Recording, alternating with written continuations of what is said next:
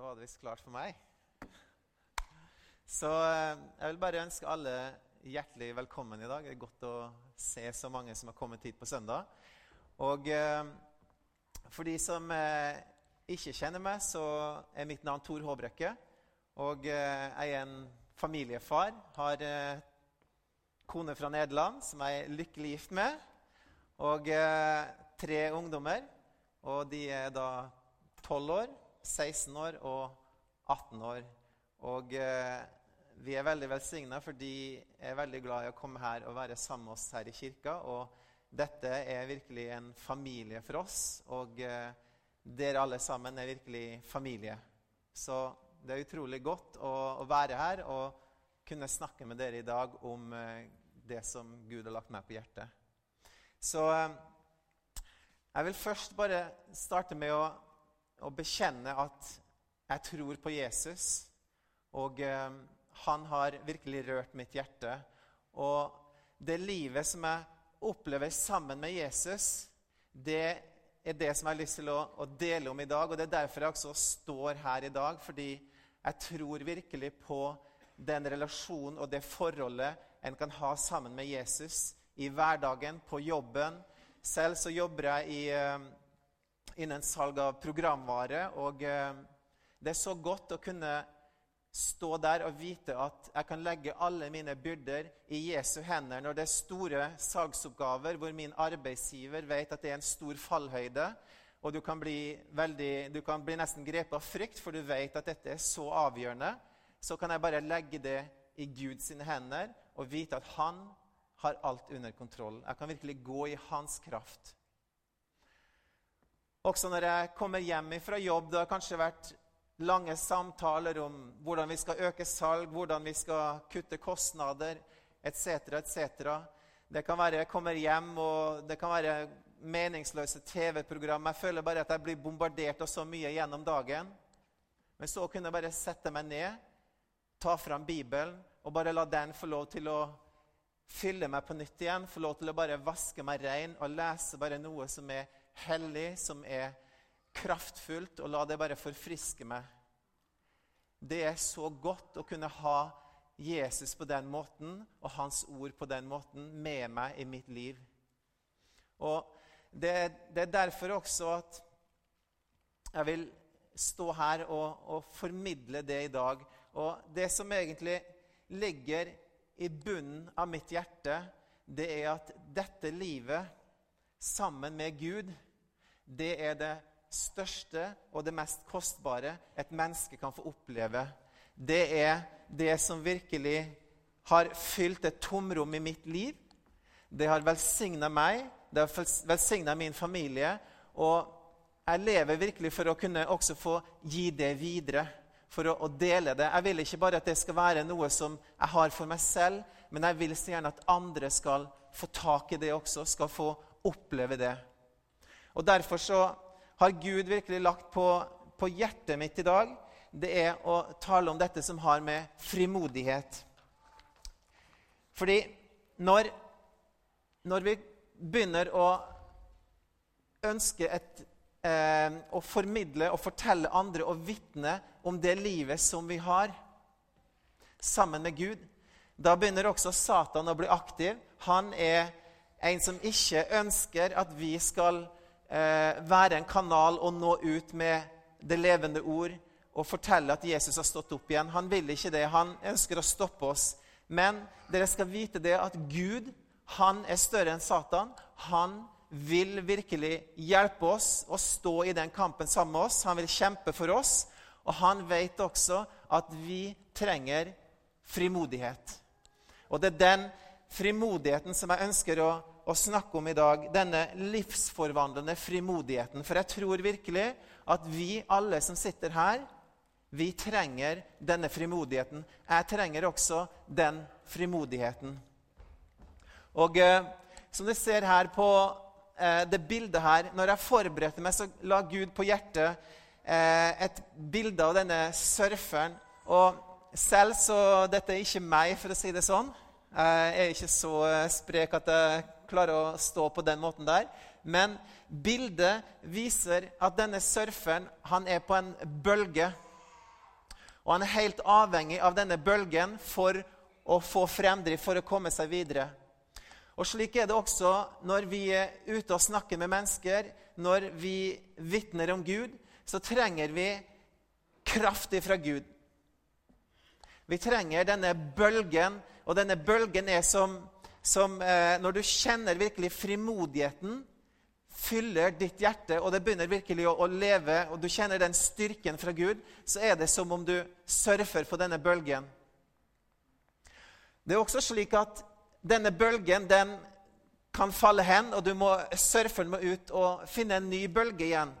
Slik er det også med frimodighet. Det er noe som vi må be om kontinuerlig. Det er noe som ikke bare er der av og til, kan frykt gripe oss, og det kan eh, gjøre at, at, at eh, bølgen blir mindre. Og Da er det igjen å gå til Gud, og han vil fylle oss på ny og på ny og på ny igjen, slik at vi kan ha virkelig den frimodigheten i våre hjerter. Vi ser også at eh, det var flere som trengte frimodighet for å utføre de oppdragene som de var gitt. Josva han trengte virkelig frimodighet da han skulle innta det lovte landet. Og eh, Vi ser i vers, 1, nei, vers 6 i kapittel 1 Vi ser om det kommer opp noe her. Josva han skulle innta det lovte landet, og da står det i kapittel 1 i vers 6 for de som har bibler, bare ta de fram og eh, finn fram til, uh, til Josva.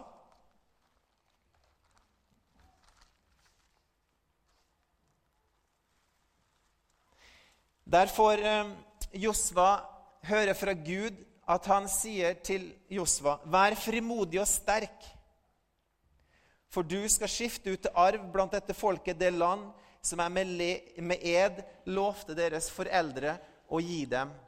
Josva trengte frimodighet for å innta det lovte landet. En annen som trengte frimodighet, det var Jeremia. Jeremia var en ung mann, og han ble utfordra av Gud til å være en profet, til å gå ut og vitne og fortelle om Gud. Og Josva han var redd, og han følte seg for ung, og han var ikke komfortabel med å tale Guds ord. Men det står i, Josva, nei, i Jeremia kapittel 1. Og der, står det i, der sier eh, Gud til Jeremia i vers 7, kapittel 1, vers 7. Da sa Herren til meg, du skal ikke si 'jeg er ung'. Overalt hvor jeg sender deg, skal du gå. Og alt jeg befaler deg, skal du si. Ikke vær redd for dem. Jeg er med deg, og jeg skal berge deg, sier Herren. Herren rakte ut hånden og rørte ved munnen min.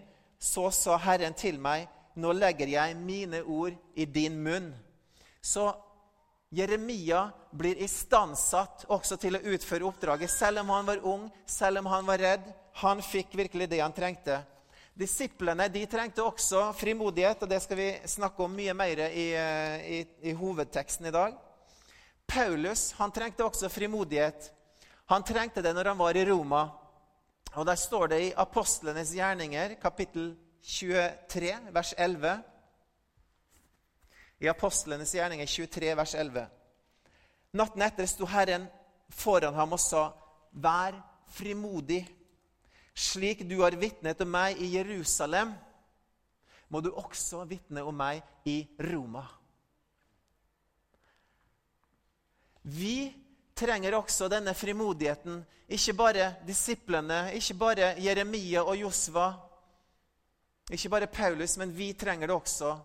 Og Jeg har lyst nå til at vi skal se igjen en eh, film som Jostein lagde om Sandvika. og Dette bare følger videre på med den dansen som vi også så tidligere i dag. Så la oss se på den.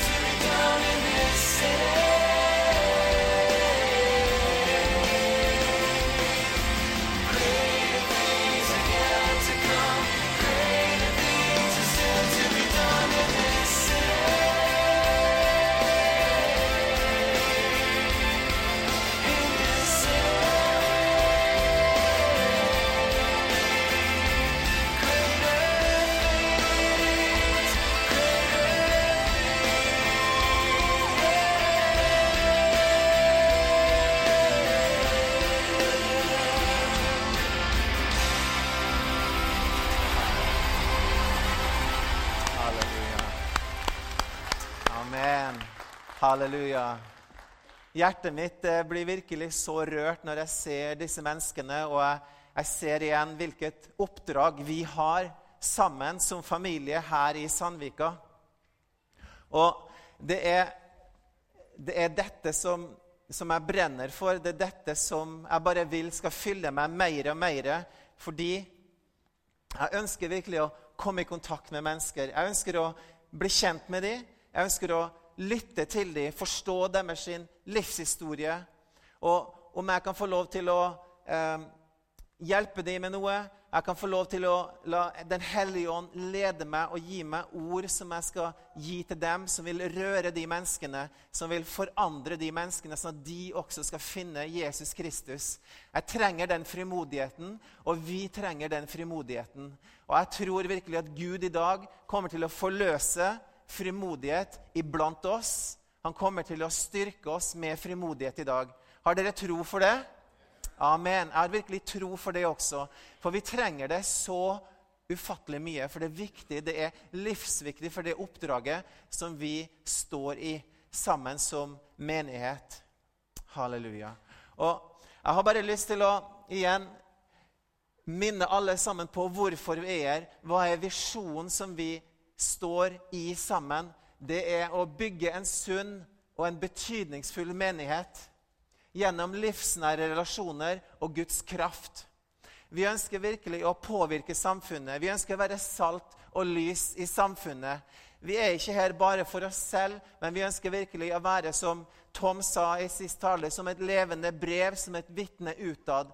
Når de kommer inn hit, skal de oppleve at det er kjærlighet, at de blir tatt imot av oss, at vi bryr oss om hverandre, at vi bryr oss om de som kommer. Og de skal få lov til virkelig å kjenne og oppleve det livet som er sammen med Gud. Og når jeg tenker på dette oppdraget, så fant jeg da frem at det er 114 489 mennesker som bor i Bærum. 114 489. Og det er over 30 000 barn. Så jeg bare brenner virkelig for at vi skal komme i kontakt med tusenvis av disse. Når jeg går på Sandvika storsenter, jeg bare ser menneskene. Jeg går på butikken, jeg bare, og der hører jeg noen som snakker nederlandsk. Jeg kan litt nederlandsk. Jeg får bare lyst til å gå bort og, og prate med de. Jeg ser noen som står i, i disken og kjøper fisk, og de snakker thai. Jeg får bare lyst til å gå og prate med de. Jeg har lyst til å være i kontakt med mennesker, bli kjent med mennesker, hilse på mennesker og vite det at jeg er glad i de, At jeg er interessert i de. Fordi jeg har noe som ligger meg så på hjertet, som jeg ønsker å dele videre med dem. Og den frimodigheten, det er den bølgen, den kraften, som virkelig skal drive oss framover og ut og nå disse menneskene.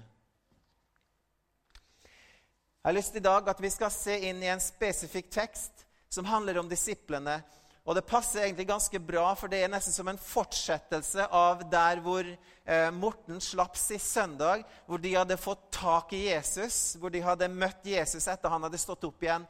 Nå har vi kommet fram til hvor disiplene de har blitt fylt av Den hellige ånd. Det har blitt allerede 5000 mennesker som har tatt imot Jesus. Og vi har kommet nå inn i apostlenes gjerninger i kapittel 4.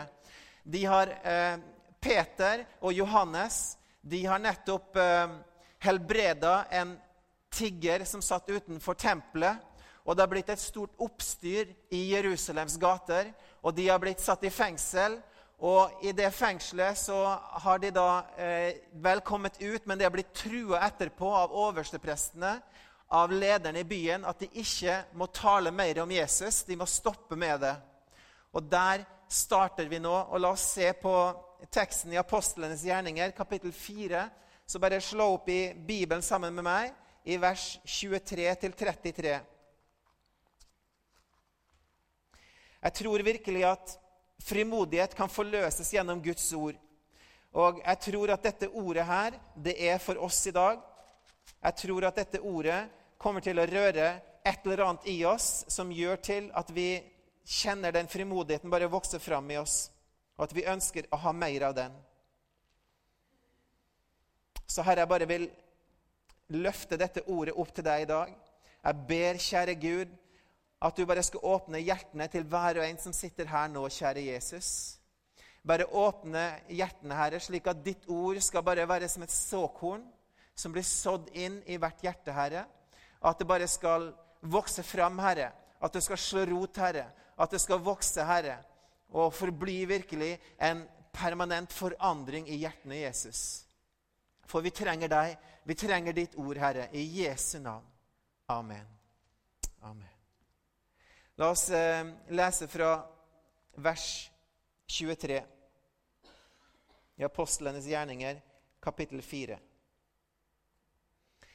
Etter at de var løslatt, gikk de til sine egne og fortalte hva oversteprestene og de eldste hadde sagt. De andre, hørt, da de andre hørte det, ba de til Gud med ett sinn og én stemme og sa, Herre, du som skapte himmelen og jorden og havet og alt som er i dem, du lot Den hellige ånd si dette gjennom din tjener David, vår far. Hvorfor er folkeslag i opprør? Hvorfor grunner folkene på det som er forgjeves? Jordens konge reiser seg, fyrstene slår seg sammen mot Herren og hans salvede. Ja, i denne byen slo de seg sannelig sammen mot din hellige tjener Jesus, som du salvet, både Herodes og Pontus Pilatus, sammen med hedningefolkene og Israels stammer. Alle hadde gjort det som du ved din hånd og din vilje hadde bestemt skulle skje. Og nå, Herre, hold øye med truslene deres. La dine tjenere tale ditt ord med frimodighet. Rekk ut din hånd, så det skjer helbredelser og tegn og under ved navnet til Jesus, din hellige tjener. Da de hadde bedt, da skalv stedet der de var samla. De ble fylt av Den hellige ånd og talte Guds ord med frimodighet. Alle de troende var ett i hjerte og sinn, og ingen regna det de eide som sitt eget. De hadde alt felles. Med stor kraft, med stor kraft bar apostlene fram vitnesbyrdet om at Herren Jesus var stått opp, og stor nåde var over dem alle. Halleluja. Her ser vi det første som jeg ser her i forhold til dette med livsforvandlende frimodighet, det er at det forløser et samhold og en omsorg og en enhet. Det er det første punktet som jeg har lyst til å dele. Det ser vi i vers 23 og 24. Når Johannes og Peter kom tilbake De hadde vært ute på gatene og vitna. De hadde blitt satt i fengsel. De var virkelig aktive ute der for å forkynne Jesus Kristus. Når de kom tilbake igjen til sine egne, da ser vi den omsorgen. Vi ser det hjertet som de andre har når de kommer og forteller det. De reagerer med en gang. De reagerer spontant, sammen, med ett sinn og med ett hjerte. De går sammen og begynner å be til Gud. Halleluja. Det viser virkelig til meg at når vi som menighet, når vi står sammen, når vi er ute virkelig og ønsker å være salt og lys i samfunnet, når vi har en visjon om at vi ønsker virkelig å være en menighet som skal forandre Sandvika, som skal forandre Akershus, Norge, verden Når vi virkelig står sammen for det her, da bindes vi sammen. Da har vi noe som vi brenner sammen for. Og jeg ser virkelig at det skjer så mye iblant oss. Når vi tok løftet for å flytte hit inn i storstua i Sandvika, så måtte vi også ta et steg i frimodighet. Det har sveisa veldig mange av oss sammen fordi vi må bære høyttalere og sette opp utstyr. Det er mye logistikk som skal ta sted her. Vi har eh, fått ungdommen med som et team med maskot og med søndagsskolen. Dere skulle bare sett sist søndag når de sto der og bare lovpriste Jesus foran 60 barn og ledere. Det var som eh, et møte nummer to bare gikk for full sus bak der. Når dere, De som var der i går, også så ungdommene, hvordan de bare trer fram i frimodighet og inviterer til konsert. Det skjer utrolig mye bra her. Halleluja. Og jeg tror virkelig at det skal skje enda mer. Dette er ett steg, men det er flere ting. Vi skal komme virkelig enda mer ut og bli enda mer synlige. Jeg virkelig tro for det. Men vi trenger frimodighet. Frimodigheten må virkelig fylle oss, og vi må la virkelig hjertene våre være åpne for den. Halleluja. Og dette var det som vi så her iblant de. De virkelig hadde et en enhet, en omsorg for hverandre når de begynte å be sammen i ett sinn, med ett sinn og med én stemme. Og Jeg tror virkelig at det blir som når, når den, en menighet har den, den innstillingen, den visjonen, da blir det som en stadion. Selv så drev jeg med 800 meter. Jeg løp de to rundene på stadion, og jeg var en løper på stadion. Og det er nettopp det som Gud ønsker, at vi skal være løpere på stadion. Vi skal ikke være tilskuere som sitter og kommenterer og heier og, og, og har den rollen, men vi skal virkelig være nede og løpe for Gud. Og når vi har en visjon, når vi har virkelig et hjerte for å nå ut og formidle det som Gud har for mennesker, da blir vi med virkelig og løper. I dag tidlig så møtte jeg to stykker som var møtevert for første gang i dag. Og jeg fikk hilse på de. Det er så herlig å se at flere og flere de melder seg på og ønsker å ta del og være med å tjene i denne menigheten. Halleluja. Det vi ser videre, det er at i punkt nummer to så Hvis det Bak der kan egentlig gå bare til eh, punkt nummer to. Livsformidlende frimodighet, den forløses gjennom tro. Og vi ser i vers 29 og i vers 30 det står det Og nå, Herre, hold øye med truslene deres. Vi ser at disiplene og de som ba sammen, de hadde en tro til Gud om at han må holde alle de som prøvde å arrestere dem og stoppe dem fra å være ute på gatene. Han må holde dem i sjakk. Han må stoppe dem. De kunne tatt kontakt med politiske ledere i samfunnet. De kunne begynne å, å, å, skrive brev eller gå på Facebook eller hva de måtte ønske å starte protestgrupper eller hva det var. Men de gikk til Gud i tro for at han måtte holde dem i sjakk. Det er virkelig en tro i disse menneskene her. Vi ser videre at de har en tro for at Gud kan gi dem frimodighet. Frimodighet det er ikke noe som bare eh, du kan, eh, kan bare få automatisk. Det er noe som Gud sitter med. Han forløser det. Han gir det til dem. Og han, de sier her i sin bønn La dine tjenere tale ditt ord med frimodighet. De har også tro for at Gud kan gjøre mirakler. Det står videre i vers 30.: Rekk ut din hånd, så det skjer helbredelser og tegn og under ved navnet til Jesus, din hellige tjener. Jeg tror også at når vi går ut i frimodighet, så skjer det virkelig også noe i det åndelige i forhold til helbredelser, tegn og under. Gud han ser at vi tar et steg ut, at vi er frimodige, og han velsigner det. Og han forløser også helbredelse, tegn og under, slik at mennesker virkelig får kjenne i sine hjerter, at de får tro i sine hjerter at Jesus Kristus har virkelig stått opp igjen. At de trenger virkelig det livet sammen med han.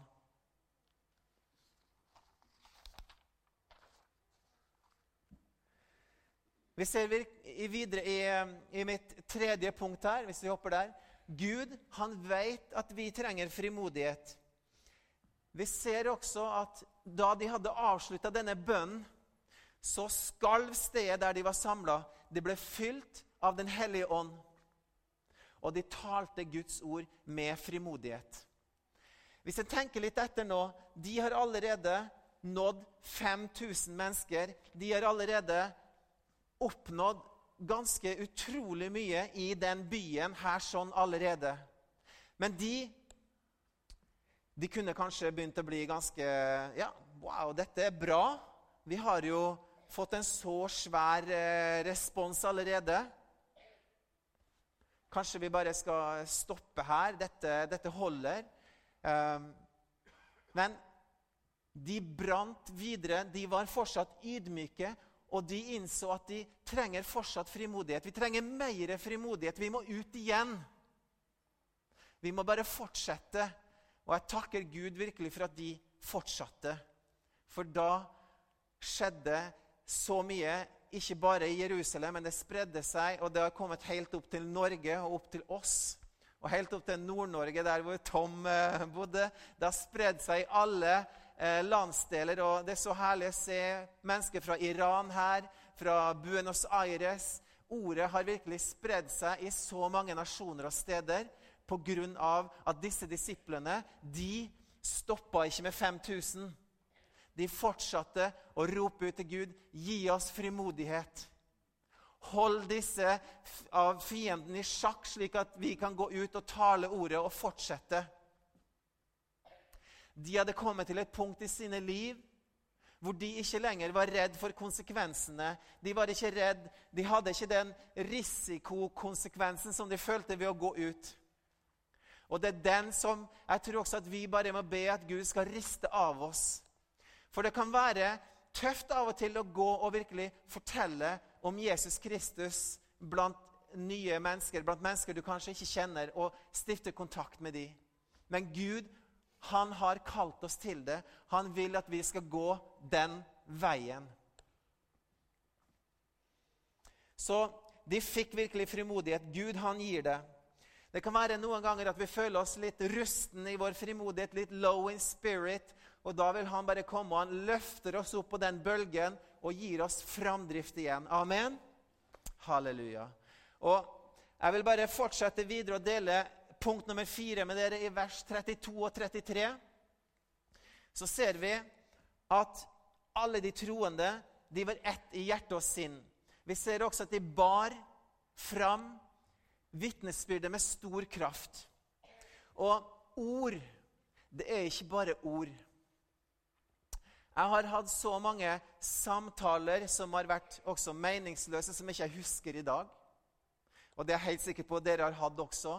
Men jeg er også sikker på at det er visse samtaler dere har når dere tenker tilbake i deres liv, som har satt spor i livene deres. Som virkelig har rørt hjertene deres, som sitter der, og som er Når dere lukker øynene, så ser dere bare situasjonen foran dere så klart. Er det noen som har sånne opplevelser som ligger i hjertene sine, som dere har opplevd opp gjennom årene? Amen. Disse opplevelsene har definert oss, de har forandret oss. Og jeg tror virkelig på denne kraften i ordet når vi snakker med noen, når vi deler. Den kan virkelig forandre og sette spor. Det er virkelig noen samtaler som skiller seg ut ifra andre. Før jeg går inn og deler noen historier fra mitt eget liv om akkurat det her, så vil jeg bare fortelle litt hva som har skjedd de siste dagene. Jeg ble veldig inspirert spesielt da eh, Daniel Egeli var her og delte sin frimodighet om hvordan han var ute blant mennesker og, og bare eh, ble leda av Gud, og hvilke mirakler og tegn og under som skjedde.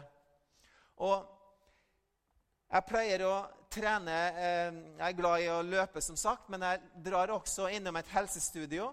Og jeg pleide i det siste å ha på meg headset. Det har jo blitt så populært nå også å høre på musikk når du trener. Men når du gjør det, så er det ikke så lett å komme i dialog med andre. Så jeg droppa det headsetet, og istedenfor, når jeg drar ut og løper, så ber jeg Gud, gi meg frimodighet. Slik at jeg kan få en samtale med noen når jeg er ute på det helsestudiet. Når jeg er også ute og løper En dag når jeg var ute og løp og kom rundt eh, Sandvika, eller rundt Kalvøya På vei tilbake så sto det en, en mann han holdt på og tok bilder. Og Det var ganske mørkt, litt, eh, men det har akkurat vært eh, regn som har forsvunnet. Og det var, fin, det var et fint lys som var akkurat over Sandvika den dagen. Og jeg løp, og jeg så han. Og så bare legger Gud meg på hjertet. Tor, du, må, du skulle bare stoppa og snakka med han.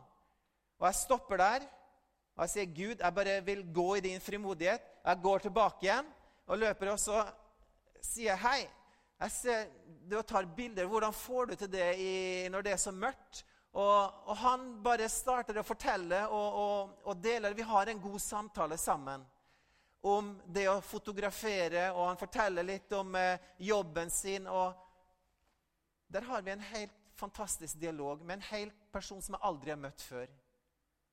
Så enkelt var det. Også når jeg kom inn på helsestudio, så sto en annen og, og fikla litt med koden sin, for han, eh, vi må taste en kode for å komme inn.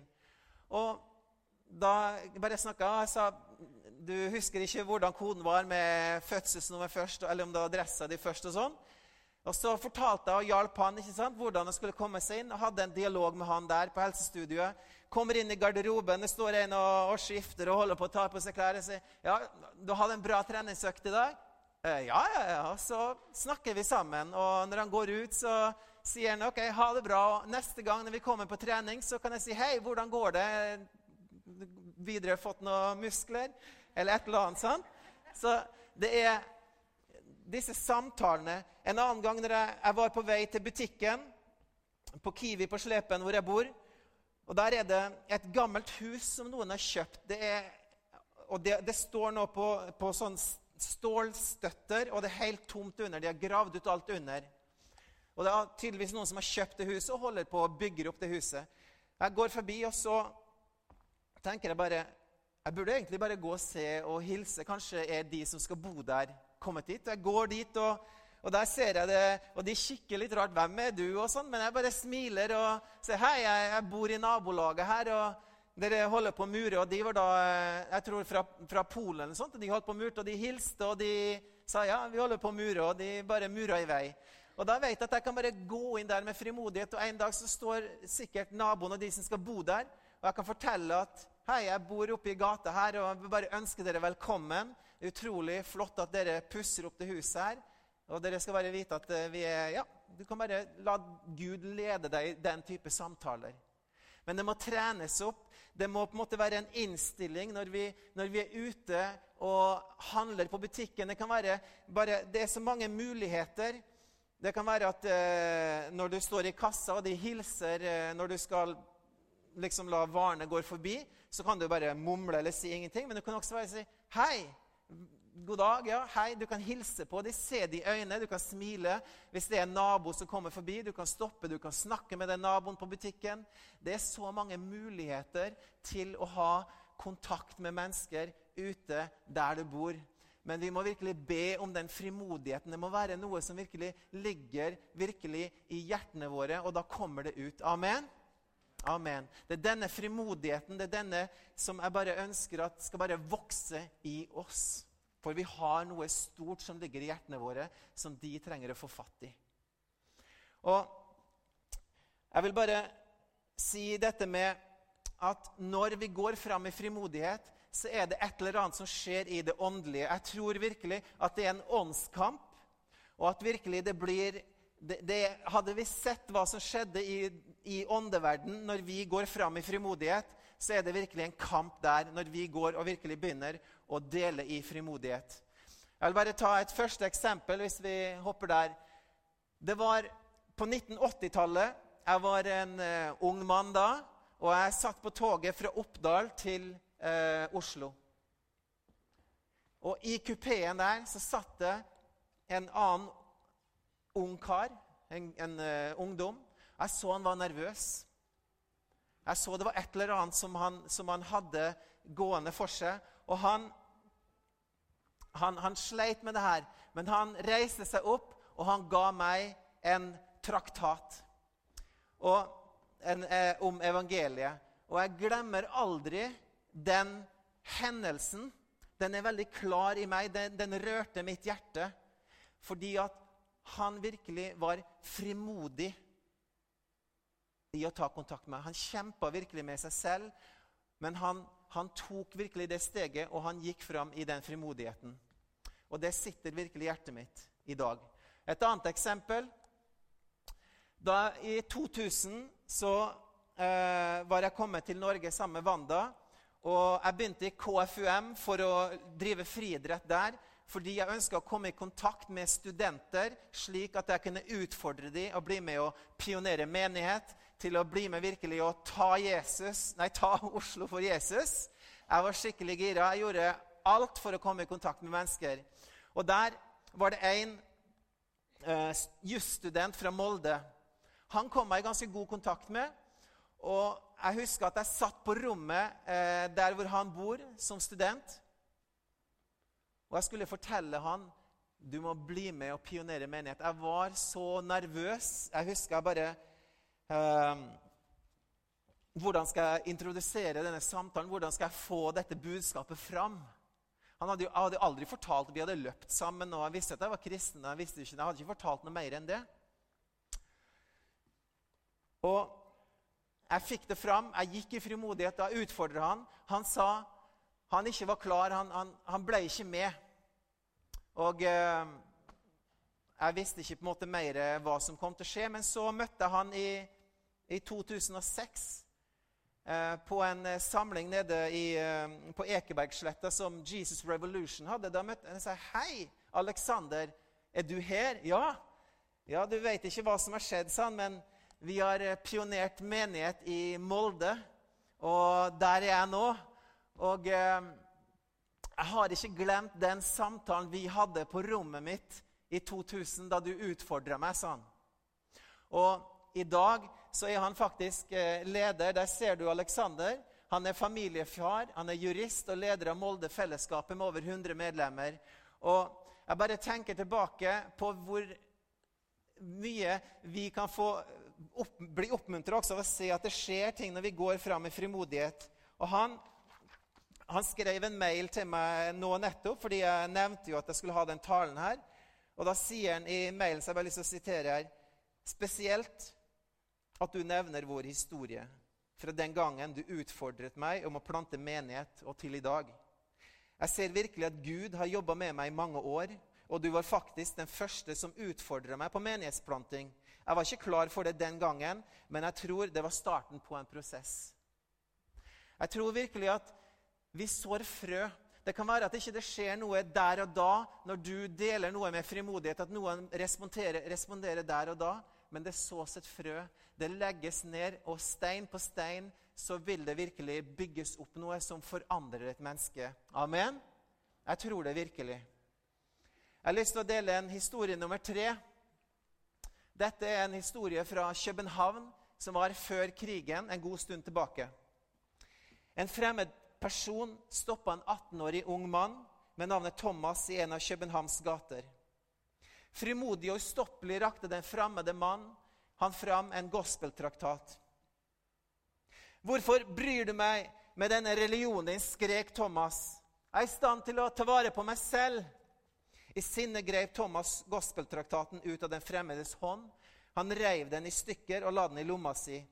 Hold deg til din business, og jeg holder meg til min. Istedenfor å reagere på Thomas' i sinne, så gikk den fremmede inn i en portåpning i nærheten. Lukka sine øyne, folda sine hender og ba. Til Thomas' sin overraskelse, som sto og så på, sånn at tårer begynte å strømme ned fra øynene til den fremmede. Da Thomas kom hjem igjen på rommet sitt, kom en nysgjerrighet over ham til slutt. Han dro fram traktatbitene fra lomma si.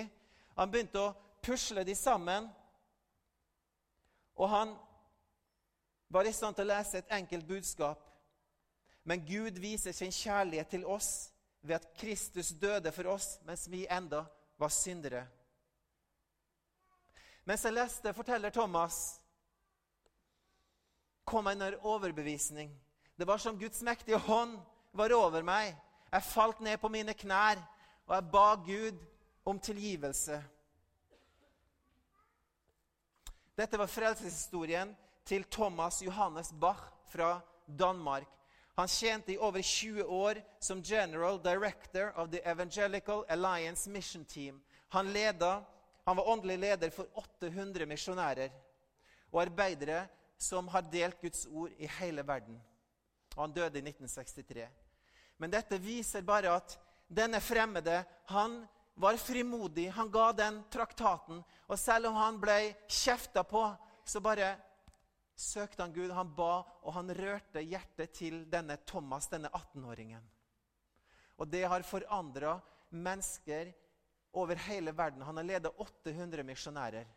Halleluja. Jeg tror virkelig at det går kanskje neste Thomas Johannes Bach ute i gatene i Sandvika. Og at vi skal få lov til å dele og legge et frø ned i hjertet på den mannen eller den kvinnen. Jeg har tro for det. Har dere tro for det? Amen. Amen. Halleluja. Halleluja, Jesus. Jeg har lyst til å dele det neste vitnesbyrdet. Det var fra i går. Her ser vi at vi er hjemme hos Vintia Vina. Det er et herlig ektepar i den kirken her. Og vi har nettopp eh, delt evangeliet med eh, noen som aldri har hørt om Jesus før. Og fordi at vi må dele eh, med veldig enkle måter så tegner og skisserer vi ut på ark hvor vi forteller og går gjennom hva som virkelig fins inni denne Bibelen her. Hvordan det hele starta, hvordan Jesus døde på korset, hulen som var tom, Maria Magdalena som kom dit med blomster og fant den, fant den tomme graven. Alt dette deler vi, og vi tegner og viser det og skisserer for dem. Og de bare leser opp på thai tekstene og får vite hvordan Jesus gjør tegn og under, og Bibelen blir levende for dem. Halleluja! Det er så godt. Dette skjedde i går.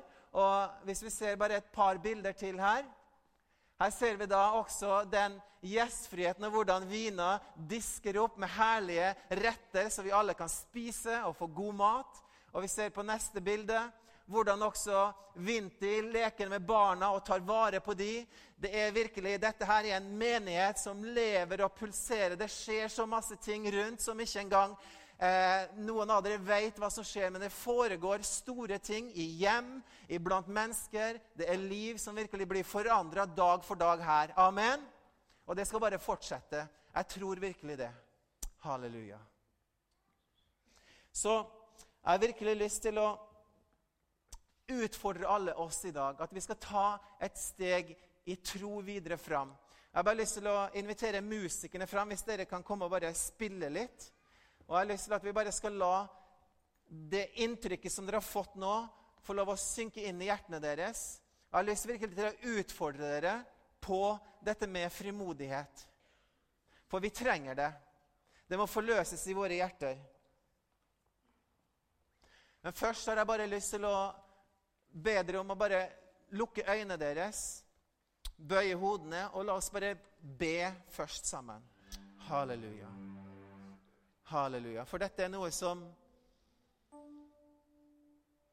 Som bare har å gjøre med en, en tro. Gud har sagt at vi må tre framfor Han i tro.